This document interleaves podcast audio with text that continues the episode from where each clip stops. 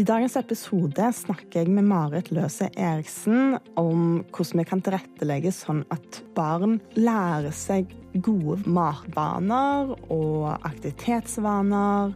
Og det å skape seg et liv. fordi at Å lære seg vaner når du er barn, det er ganske lett, fordi at de er i læringsmodus. Mens når du blir voksen, så er det litt vanskeligere. Og derfor så er det jo kanskje litt viktig å tenke over hva er det vi lærer barna? Veldig hyggelig at du har lyst til å være her i dag. Jeg syns at du jobber med noe som er veldig viktig og spennende. Så har du lyst til å fortelle litt om din reise, og kanskje litt om hva du gjør? Ja, tusen takk for invitasjonen, Therese. Det var veldig hyggelig. Og jeg blir veldig glad når jeg hører at du syns det er en veldig viktig jobb. Det syns vi jo òg, og det er noe jeg har brent for egentlig i mange år. Nå jobber jeg nå som prosjektleder da i Sunnere barn, og vi jobber nå for å legge til rette for at det skal være mulighet for å ha en sunnere hverdag for barn og unge, både i forhold til kosthold og fysisk aktivitet og i tillegg så underviser jeg innenfor eh, helse, oppvekst og kroppsøving på videregående. Så det er egentlig en veldig god match inn mot det. Mm. Mm. Er det noe som du alltid har engasjert deg for, eller er det noe spesielt som fikk deg til å tenke at dette her må vi gjøre noe med? Jeg har nok alltid likt å være litt aktiv, tror jeg. Mm. Jeg vokste opp på en eh, gård, og jeg er lita bygd. Eh, foreldre som var veldig både engasjerte og arbeidsomme. Sånn at vi også ble involvert til å, å, ta ansvar. Så det har jeg nok alltid vokst opp med, at det er viktig det å ta ansvar for ting, og at det faktisk er at du får den følelsen av at du har mulighet til å påvirke. Du, du har gode forbilder som eh, viser at du faktisk kan utgjøre en forskjell, og det å engasjere seg. Så det er noe som du ønsker at barn skal oppleve, da? Den mestringsfølelsen av å ha ansvar og, og være i aktivitet? Ja, jeg tror mestringsfølelse er nok en sånn stikkord på veldig mange områder. Og klart, når jeg har studert mye innenfor fysisk aktivitet, så er nå den veldig aktuell, det med mestringsfølelse. Men jeg tenker at det går inn i alt. Mm. Det å blant annet ikke sette for store mål, men heller det å ta små skritt om gangen, og at det er bra, det er å alltid være på vei forover. Mm. Mm. Opplever du at dette er noe som samfunnet tilrettelagt sånn at, at alle kan kjenne på den mestringen, eller er nok aktive?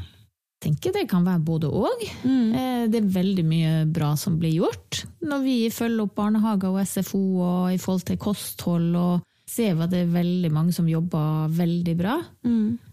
Og så ser vi nok det at det kan være veldig personavhengig.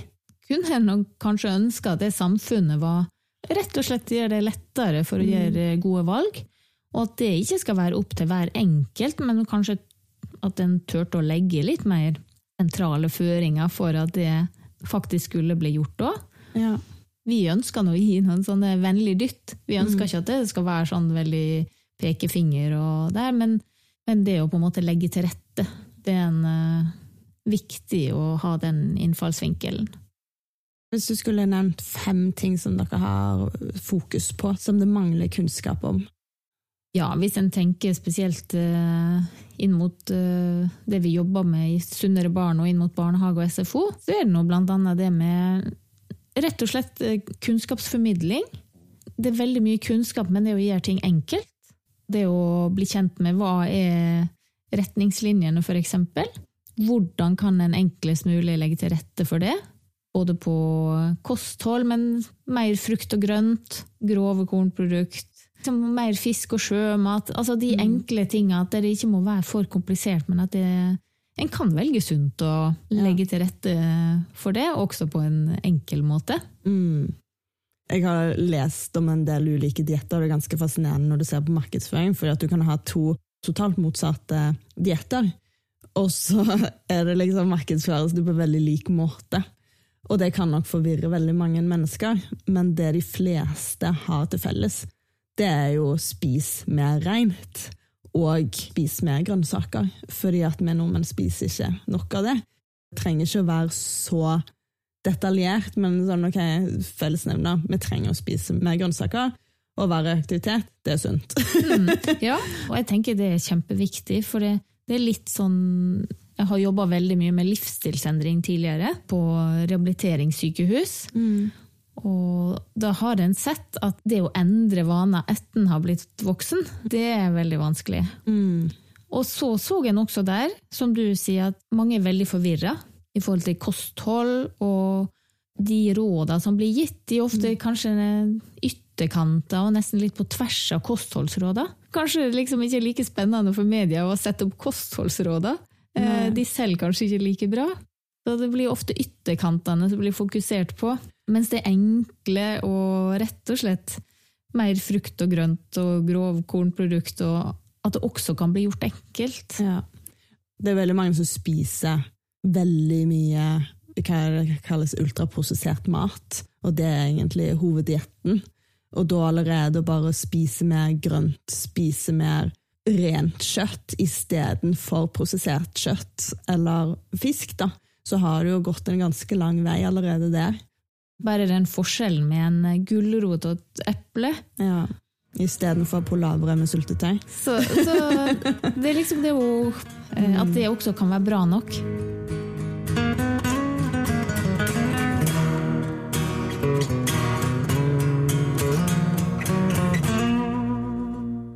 Det med regelmessig måltid òg er veldig viktig. Mm. For jeg syns den kombinasjonen av altså Kosthold er ikke bare næringa, men det er også det med energi i løpet av dagen. Ha overskudd gjennom en hel dag. Og i forhold til barn og unge, så er det å ha overskudd til å ha en aktiv dag med lek og aktivitet. Og ikke minst så går det her på hvordan en har det. Ja, ja, veldig. Får du spist regelmessig, og så har du en bedre dag enn om du går på Ja, ja. lav bluss. Ja. Ja, ja. Nei, jeg sleit faktisk veldig med altså Jeg har ikke diabetes, men hvis jeg spiser for mye sukker og karbohydrater, så blir jeg veldig urolig. Og som barn så var jeg mest glad i karbohydrater, så jeg fikk ikke i meg jeg tror nok protein og fett. Jeg, jeg fikk sånne topper, og så falt det veldig. Og så kunne jeg bli sånn desperat etter mat. Og da ble jeg jo veldig hangry. Og så nå har jeg lært meg å spise sånn at ok, jeg har et mer stabilt blodsukker, så jeg spiser mer protein og fett. Det holder jo på energien mye lengre. Og så tenker jeg, tenk hvis jeg hadde hatt den kunnskapen når jeg var yngre, og gjerne når jeg var student, når jeg var tenåring, hvor mye bedre jeg sikkert hadde hatt det med meg sjøl. Ja, jeg jobba i veldig mange år eh, med livsstilsendring, og vi hadde undervisning og aktivitetsgruppe for voksne med sykelig overvekt. Kosthold er veldig vesentlig, og aktivitet òg, men det vi kanskje jobber aller, aller mest med, det med å, å legge rutine. Det å kunne bidra til at en legger til rette. Det å gjøre enkle grep for eh, hver enkelt. Men at det, hver enkelt må finne sin nøkkel eh, til den veien. Men blant annet regelmessig måltid, det er en sånn nøkkel til å kunne både få spise sunnere og kunne orke å være i aktivitet. Veldig sånn grunnleggende ting for å ha både overskudd og alt. Som at du har faste tidspunkt på døgnet, eller at det går så og så lang tid mellom måltidene? Det liksom Nei, det må ikke være noe sånn helt Men det å finne sin rutine med å få spist regelmessig og ikke Og jeg tenker mange kan kjenne seg igjen i det, at det går en litt tom, så har en kanskje ikke like mye å Blant annet det med konsentrasjon og tålmodighet kan være en sånn eh, utfordring. Så veldig mange har mye å hente der, kanskje uten å være klar over det òg. Mm. Mm. Og det er akkurat den delen jeg tenker er veldig viktig å få inn når en jobber med barn og unge òg. Få legge det grunnlaget veldig tidlig. Så hva er det, hvis du skal ha, sette deg sånn hårreisende mål, hva er det du ønsker å oppnå?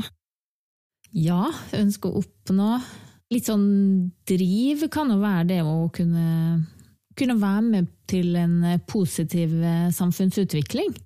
At eh, det blir tilrettelagt for at eh, barn og unge kan velge sunnere og ha mulighet til å være aktiv.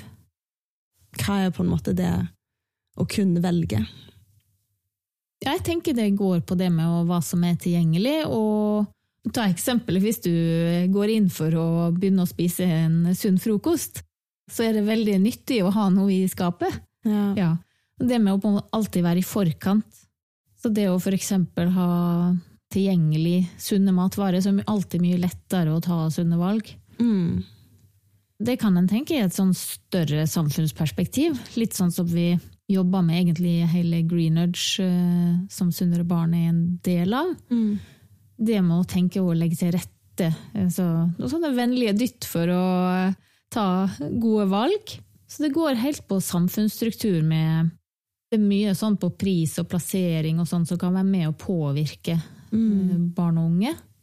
Det kan også gå på det med reklame, for en vet at det påvirker barn og unge. Ja, ja. Og så går det også på det å at en legger til rette for at det blir liksom påtrykk av at en skal jobbe med mat og måltid, og synliggjøre at det er viktig inn mot f.eks. barnehage og SFO. Mm. Et godt eksempel der er de nye anbefalingene for fysisk aktivitet. Mm. Så ligger det enda mer klare føringer på at det ikke bare er hver enkelt sitt ansvar, men at også ansvaret blir plassert litt ut på de som jobber i forhold til helse, og for barn og unge, ansatte i barnehage og skole. At en skal legge til rette for at det er lekeaktivitet Ja. Mm. Og det samme tenker jeg kanskje enda mer påtrykk der i forhold til kosthold. Mm. Mm. Står det noe sånn spesifikt Får for de som jobber med dette, veiledninger og forslag til hva de kan gjøre, og opplæring i det?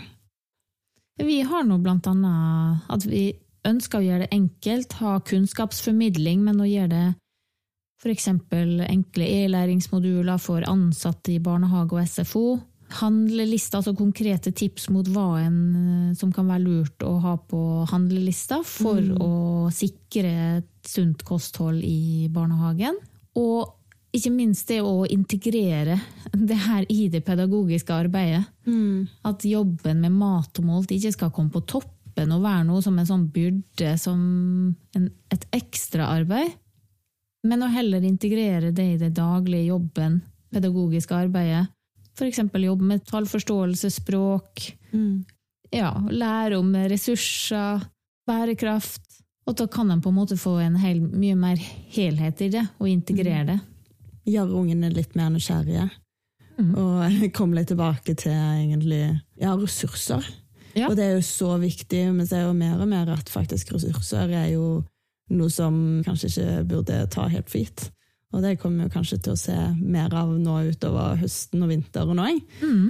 Og da er det jo veldig viktig at vi faktisk oppdrar barn og unge til å forstå hvor alt kommer fra. At det ikke bare er noe som kommer i en boks, men det er noe som gror. Ja, og jeg tror vi har fått en vekker både i forhold til koronapandemien og nå med krigen i Ukraina. At det både i forhold til det med at helse egentlig det trumfer alt. Viktigste kortet vi har. Ja, jeg må tenke det er en mye større helhet, og at vi må ta vare på de ressursene vi har. Absolutt. Det er noe veldig spennende å tenke for barna å lære mye mer om det. Og du gjør det på en morsom måte. Ja, For eksempel historiefag, sånn som det formidles på skolen. Jeg syns historie tidvis var dritkjedelig. Men historiene er jo kjempespennende. Så det handler jo veldig mye om hvordan det formidles, og hvordan bøkene skrives. Og jeg tenker med de små barna så kan du jo lett gjøre det om til en lek. Mange barn ønsker jo å lære å gjøre det samme som de voksne, så for eksempel å kutte opp noen grønnsaker sammen, eller og, ja. Ja, og det er sånn som vi håper vi kan bidra med. Vi, kan, på, vi har nå det som vi, vi kaller det månedens aktivitet. Da, å kunne ha eksempel gå på jakt etter nøkkelhull. Altså det med å bruke merkeordning og lære om det for å velge sunnere, for eksempel. Det med å utforske smak med smakslek, og tørre å prøve ut nye smaker. For det kan nok eh, være sånn at mange barn tør å smake på litt mer i en barnegruppe enn de nødvendigvis alltid gjør hjemme hvis de er litt forsiktige. Prøve å være litt forskjellig. At det, det handler om å smake, du trenger ikke å spise nødvendigvis. Ja, at det med smaksutforsking og ja. Ja, den ser jeg for um, ja, Barn må vel smake en smak rundt 30 ganger for å bli vant til den. Ja, de sier alt fra 10 til 30, og jeg tenker det vil være litt forskjellig fra barn til barn òg, men det er jo at en må prøve ut smakene flere ganger, da. At om de kanskje syns det er litt rart første gangen, så er det på en måte helt uh, naturlig at det er greit òg. Ja, de trenger litt tid til å venne seg til å kunne smake flere ganger. og Det er nok kanskje noe som eh, vi kan glemme litt, at de tross alt er barn. Mm. Og at rundt middagsbordet så har du da mål å spise. Og at eh, det mer blir en kamp og slitsomt, da. Mm. Mm.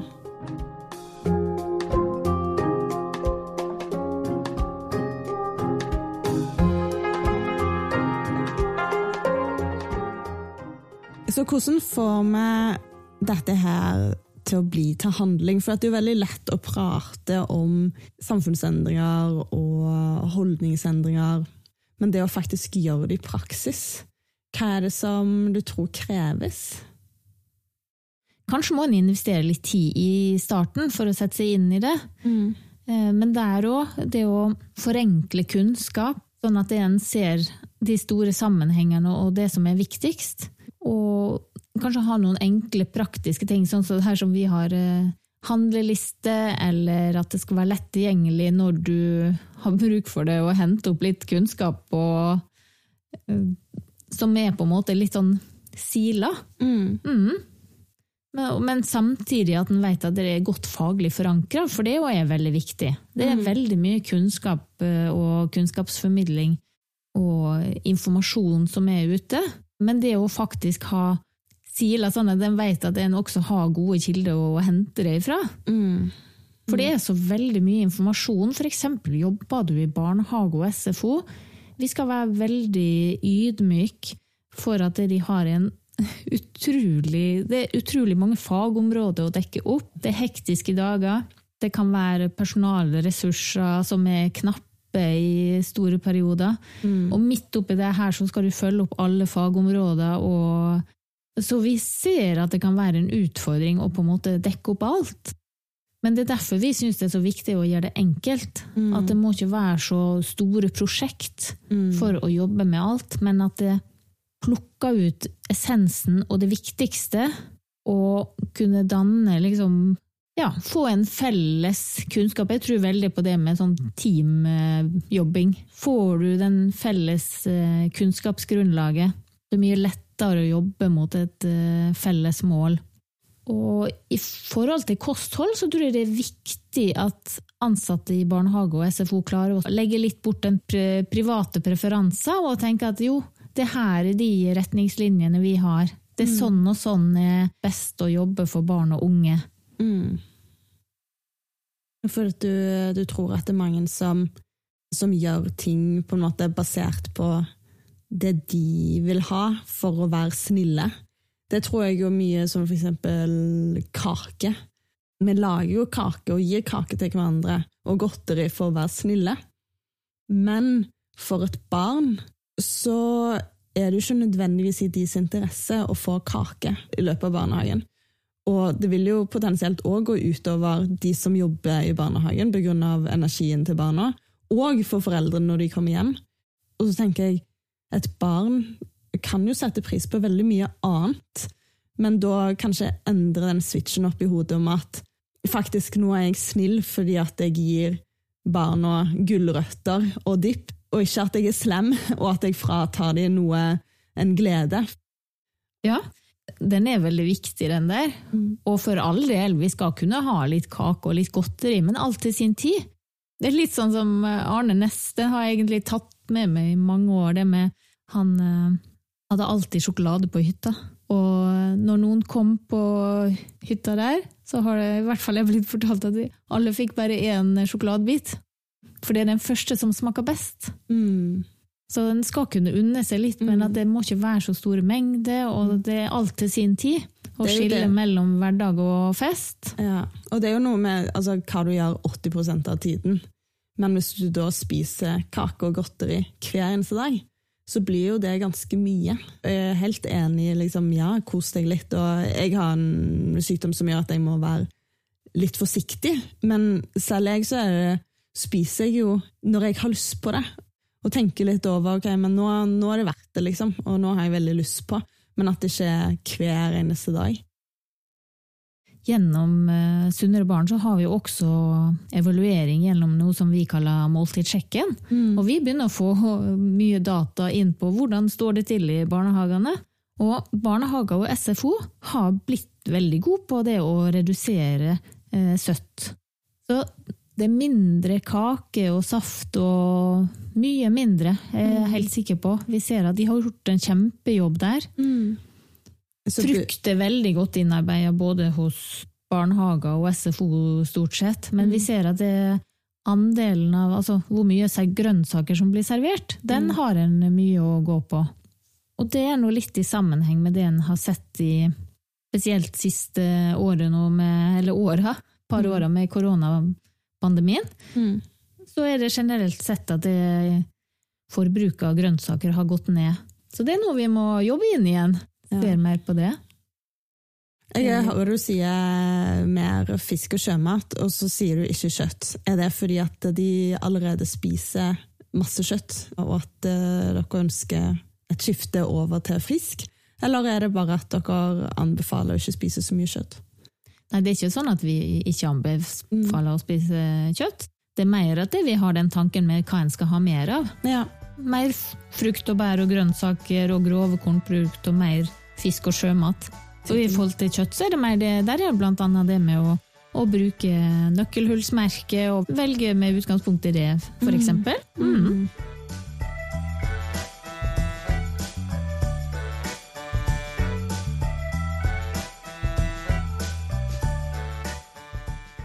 Nå har vi prata litt om mye forskjellig. Er det noe du har lyst til å legge til som du føler vi ikke har dekt til nå? Ønsker gjerne kanskje å sette det litt mer i en større sammenheng. Mm. At det vi jobber med i utgangspunktet er folkehelsearbeid. Se det i et mye større perspektiv, da. Mm.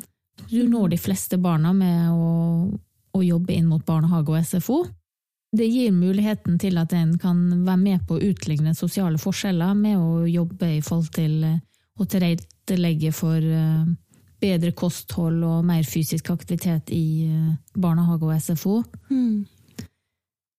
Du sørger for at alle barn faktisk kan lære seg både om mat og aktivitet, da? Ja, så Ta barnehagen som eksempel. Mm. En ser vel ca. 60% av næringsinntaket i løpet av en dag er i barnehagen. Klart Da er det veldig viktig hva en får servert i barnehagen. Og veldig mye av den våkne tida de har i løpet av dagen, er i barnehagen. Og det med å både få den kombinasjonen med regelmessig måltid, sunn mat og, og være i aktivitet, og mm. ikke minst lekeaktivitet. Mm. Ja, den ja. er veldig viktig. Det er ikke sånn at alle barn er like mye aktive av seg sjøl. Det er flere barn som trenger litt ekstra hjelp der. Og der vet en helt tydelig at voksne rollemodeller og tilretteleggere er helt Noen som foreslår eller drar de litt med? Ja. Mm. Mm. Vise hva som er mulig? Ja, vise hva som er mulig, og tenker fra helt tidlig når jeg studerte òg, så var det, det viktigheten av å tilrettelegge miljø. Det er ikke mm. nødvendigvis at vi voksne skal, skal gjøre for barna, på en måte, men at det har du på en måte innbydende lekemiljø, naturområde, og det, så er det mye lettere å, å få med alle. Ja, kanskje finne noe som du som voksen òg liker, og noe som ungene liker at det å være i aktivitet trenger ikke være så komplisert. For noen så handler det kanskje om å dra på en lang tur fordi at de liker det, men for andre så er det kanskje å dra i den nærmeste parken eller skogen eller sjøen og, og bare være der. Ja, jeg tror kanskje der òg at en på en måte får en sånn redskapskasse, da. At en mm. ikke tenker for komplisert, men at det er F.eks. det å ha en eh, aktivitetsbag. Mm. F.eks. der jeg jobba i barnehagen, så hadde vi en aktivitetsbag. Det at du ikke måtte planlegge så mye alltid, men du tar med den, så hadde du alltid noe å holde på med. Kunne du gå en kort tur, om det så var på fotballbane eller var litt oppe i skogen, eller mm. bare ute i barnehagen der òg. Men sånne små, enkle grep, for jeg tror kanskje det er det viktigste i kunnskapsformidling, syns jeg det å gi kunnskap til f.eks. ansatte i barnehage og SFO, så kan det gi en trygghet. Mm. Jeg tenker at eh, kunnskap gir litt sånn at det vi tør å stå for det vi tror på, og det å på en måte i et team, da, får du samme kunnskapen, og nå jobb, er det lettere å jobbe sammen. Mm. Lettere å jobbe mot noe.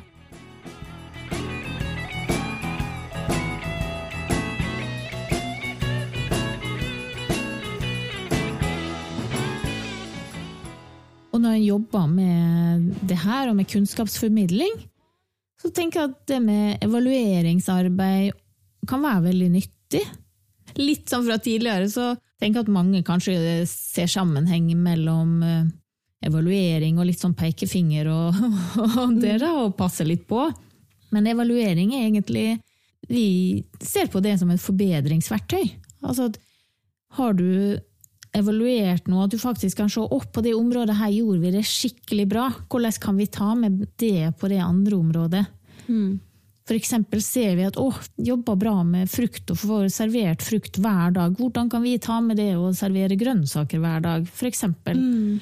At evaluering ikke skal være den pekefingeren, men rett og slett muligheten til å gjøre endring. Og velge ut hvilke fokusområder skal vi ha. Har en flere ting en skal jobbe med, så kanskje ikke begynne med alt samtidig, men velge ut jo, vi velger det og det. Og kjenne på mestring. Så har vi bykt ut kaken og serverer frukt i stedet. Klapp på skuldrene. Sykt bra. Ja. Og så, hva er det nå å få til? Jo, grønnsaker. Kanskje vi skal bytte ut noe av frukten med grønnsaker. Sant? Ja, men det, det var veldig lett. Bygger det på seg, og så plutselig så har du oppnådd kjempemye. Ja, det var veldig godt sagt, for det er rett og slett sånn klapp på skuldra. Og det tror jeg kan være viktig for de ansatte òg. Faktisk kunne få et klapp på skuldra, og faktisk kunne ja, videreformidle det til foreldre òg. Si at det her jobber vi skikkelig bra med. Og så tror jeg det er noe med Vi er jo veldig gode på å shame hverandre. Og kanskje gå rundt og føle på dårlig samvittighet. Som gjør at vi bare orker ikke å gå inn i det. Men det å tenke hvilke små steg kan jeg gjøre i rett retning? Jeg vet mange nå som f.eks. har bytta ut vanlig brød med surdeigsbrød. Og da er jeg liksom sånn En sånn ting kan jo ha veldig stor påvirkning. Bare det å bytte liksom, godteri, servere frukt istedenfor, så vil du jo ofte føle deg mye bedre. Og så, så er det noe med å bare starte med det som føles kanskje overkommelig, eller lett ut for seg sjøl. Og jeg tror kanskje det er det viktigste når jeg har jobba med endringsarbeid tidligere òg. Så det å, å tørre å gi ros til seg sjøl for at en gjør små steg. Ja. At en ikke skal ta de store stega og de store gapa med en gang, men at en hele tida er på vei. Gi seg ros for små endringer og bygge videre på det. At det ikke er sånn at vi nødvendigvis skal revolusjonere og gjøre alt på en gang, men å jobbe systematisk og ta et steg om gangen, og at det er faktisk en liten endring som en klarer å vedlikeholde mye bedre enn å klare mye over kort tid. For det, det å innarbeide rutiner som en bare kan holde og, og være i, som er det aller, aller viktigste. Ja, det er jo dessverre en sånn tendens til at folk eh, blir sånn overivrige. Og så skal de gape over alt og ende alt med en gang. Men da klarer du veldig sjelden å opprettholde vanene over veldig lang tid. Kanskje et par uker, en måned, og så bare Å, nei, det ble mye jobb, liksom. Ja. Har jo lyst til å ha et liv ved siden av. Og der i forhold til endringsarbeid, så har jeg alltid tenkt at det å ha fokus på fordelene fremfor det en må gi avkall på, Ja, det er alfa og omega. enig. Ja, hvis en skal planlegge og være aktiv og kost og alt det, klarer en å være i forkant og på en måte tenke fordelene. Ja, kanskje er det litt jobb og handling og planlegge og alt det, og få ting gjort, men hvis du vet den gevinsten du har i etterkant, Mm. så er den så mye større. Og det som jeg opplever, er jo at de første gangene så må du tenke litt ekstra over hva du skal handle. Men etter hvert så bare har du de tingene tilgjengelig i skapene og i kjøleskapet. Og da har du spart ganske mye tid. Mm. Det går liksom mer på autopiloten etter hvert. Ja, ja, ja. Og selvfølgelig så tar det jo noen ganger litt lengre tid å kutte opp noen grønnsaker enn å kjøpe noen muffins. Men det tar ikke så lang tid heller. Nei, og så er det på en måte det å være litt eh, i det og ta de gode valgene. Av og til stoppe opp litt, grann, da. Sammenligna litt når du er ute og kjører bil. At eh, har du en traust dieselbil, så fyller ikke du bensin bare fordi det er lørdag. Men det å vite at det kroppen trenger like mye riktig energi i helg og ferie som i hverdagen, at den faktisk klarer å opprettholde litt rutine. Ja, det, det er jo faktisk en av de tingene som jeg har begynt å gjøre. For, for meg er det veldig viktig å ha de rutinene, og at jeg spiser sunt. For hvis ikke så merker jeg det ganske godt på kroppen. Men før så var det jo sånn å det var ferie, skulle hjem til jul, skulle hjem til påske. Så var det jo viktig å kose seg litt og unne seg pause, og òg når jeg var ute og reiste på ferie. Men så har jeg funnet ut at jeg har det mye bedre med de rutinene når jeg spiser sunt. Og jeg vil jo ha det bra på ferie òg. I tillegg så slipper jeg å starte på ny med alle rutinene etter ferien. For det gjør jo at det blir så mye hardere å komme hjem fra ferie og starte hverdagen. Fordi at jeg må plutselig starte på alle vanene på ny. Hvis det har sklidd ut, så er de glemt. Mm, ja, ja, for det er liksom det å være i det. Og jeg tenker at Jobbe seg inn i noen gode rutiner. Og, og det er det vi håper. at det, barnehager og SFO skal få hjelp til å finne gode rutiner. Altså at det på en måte etter hvert ikke må bruke så mye energi, men at det går mer på Det er en fast rutine på hvordan en jobber med det. Og, mm, mm. Absolutt. Tusen takk for veldig nyttig kunnskap og et veldig viktig fokus. Sånn Avslutningsmessig så har jeg et sånn eh, signaturspørsmål. Kanskje litt favorittdel, for jeg syns det sier veldig mye om personene jeg snakker med. Så hva er det pinligste du har opplevd i løpet av livet? Ja. det var sånn jeg måtte tenke litt uh, først, da. Mm. Men så kommet til at det, det, er sikkert flere episoder som har vært mm. pinlige og sånn. Kanskje mm. har jeg fortrengt det så jeg ikke kom på det med en gang, men uh, tenkte tilbake, var sikkert sånn åtte-ni år eller noe. Mm. Som jeg sa, foreldrene mine var engasjert, og mamma skulle ha et møte. Blant annet så syns jeg husker det var en lærer som skulle komme. Og så syntes jeg det var litt flaut, da. Så når de kom, så hadde jeg bare pila inn og gjemt meg under sofaen. Mm. men jeg feilberegna at det var Jeg hadde nok tenkt at de skulle sitte på et annet rom, men de satte seg der som jeg var. så jeg husker jeg lå litt under sofaen. Jeg hadde nok såpass erfaring at hvis de møter der, de ble ikke ferdig med det første. så jeg måtte bare krype til korset og pile fram fra sofaen og Så denne, ja. Det er herlig å tenke tilbake så langt i tid, liksom fra til vi var barn. Og morsomt hva som var flaut og skummelt. da. Sånne ja, morsomme episoder, da. Absolutt. Tusen takk. Og tusen takk for at du fikk eh, komme. Veldig hyggelig å være her med deg. Du likte denne her episoden, så håper jeg at du ønsker å lytte til noen av de andre episodene mine, som ligger overalt der du kan lytte til podkast, og at du legger igjen en tilbakemelding eller en stjerne på Apple Podkast, sånn at jeg kan nå ut til enda flere med disse fantastiske historiene til disse damene. Og hvis du er nysgjerrig på meg, så kan du finne meg på Instagram. Der heter jeg magefolsen.podkast. Og så har jeg òg en hjemmeside hvor det står litt om meg. Den heter magefolsen.com. Det var alt for meg i dag. Lag deg den dagen du ønsker å ha i dag, etter de behovene som du faktisk har. Vi snakkes!